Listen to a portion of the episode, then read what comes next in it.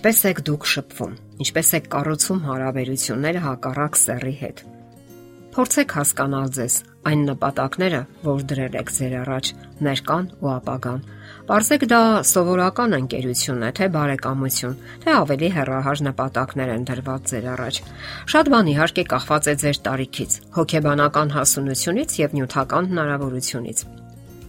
Հարկավոր է կարգավորել հույզերը Հույզերից շատ բան է կախված։ Դրանք հաճախ սահմանում են հարաբերությունների բնույթն ու ընթացքը։ Հիշեք մի կարևոր ճշմարտություն։ Հուզական ոլորտը ականապատված դաշտ է, որտեղ ամեն վարքյան կարող է պայթյուն տեղի ունենալ։ Այդտեղ հանդիպում են երկու անպաշտպան անznավորություն՝ Նրանք պետք է սովորեն ու քննարկեն այն, ինչը կապում է նրանց միմյանց հետ։ Եվ ընդ որում պետք է կարողանան ինքնուրույնություն պահպանել, հիմնավորապես կախված չլինելով միմյանցից։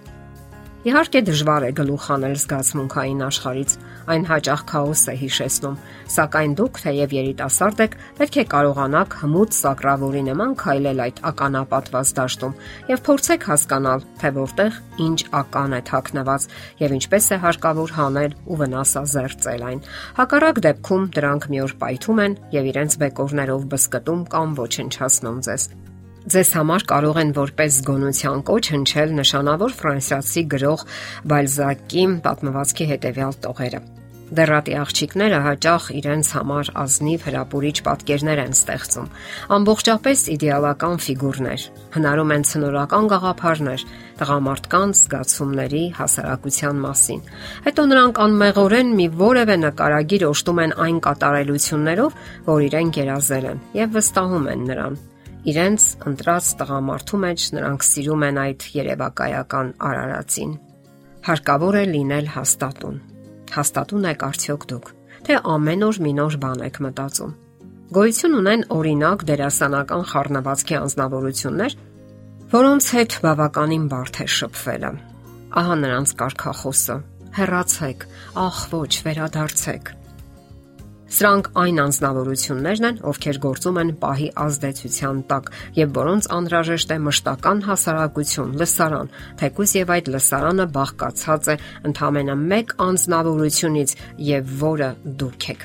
Նրանք հենց այդպես էլ հեռանում են։ Կարծես դա ներկայացման վերջին արարը լինի եւ դրան պետք է հետևեն ծափահարությունները։ Սակայն եթե մի բան հետևում է դրան, ապա դա զուգընկերոջ թեթևացած հոգոցն է։ Դա այսպես է հնչում Ուֆ, վերջապես ազատվեցինք։ Ահա թե ինչու հարկավոր է լավ մտածել, թե ում հետ եք պատրաստվում կապել ձեր կյանքը։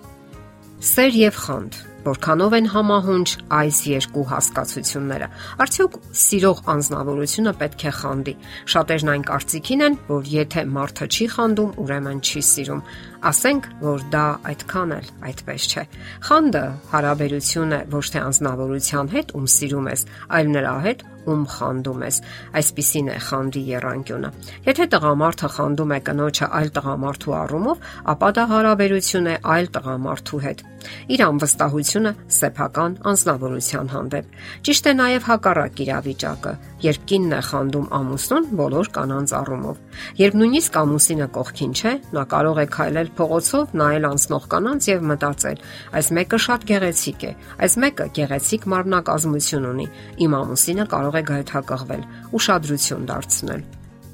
Այսպիսով ստացվում է, որ ամուսինը նույնիսկ իր կողքին չէ, սակայն նա մտովի պայքարի մեջ է, իրեն համեմատում է այլ կանանց հետ։ Ներկայացնենք եւս մի քանի կարևոր պահ, որոնց վրա դուք պետք է ուշադրություն դարձնեք ձեր հարաբերությունների ընթացքում։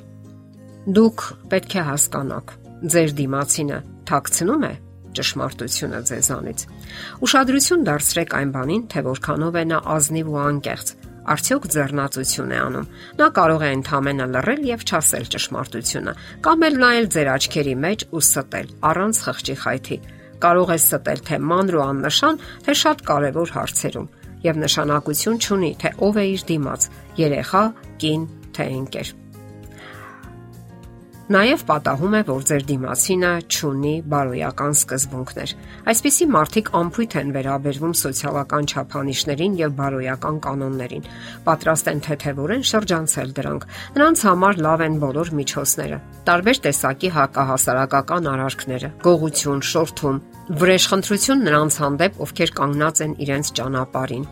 Նրանք ասում են, որ դա ազատության նշան է, ինչը ոչ մի դեպքում չի համապատասխանում ճշմարտությանը, եւ դա հետագայում լուրջ հիմնախնդիրներ է առաջացնելու ձեզ համար։ Կան մարդիկ, որոնք ճունեն խոր զգացմունքներ, բարություն եւ հարգանքի դրսևորում։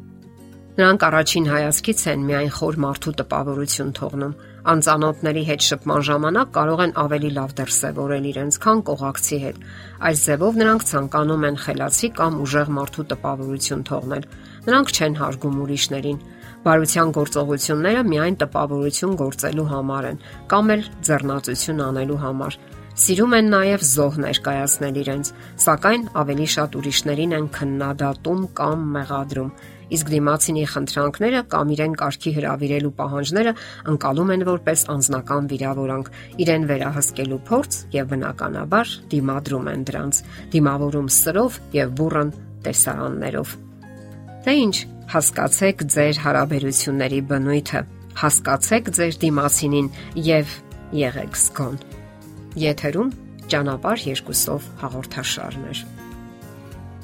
Հարցերի եւ առաջարկությունների համար զանգահարել 033 87 87 87 հեռախոսահամարով։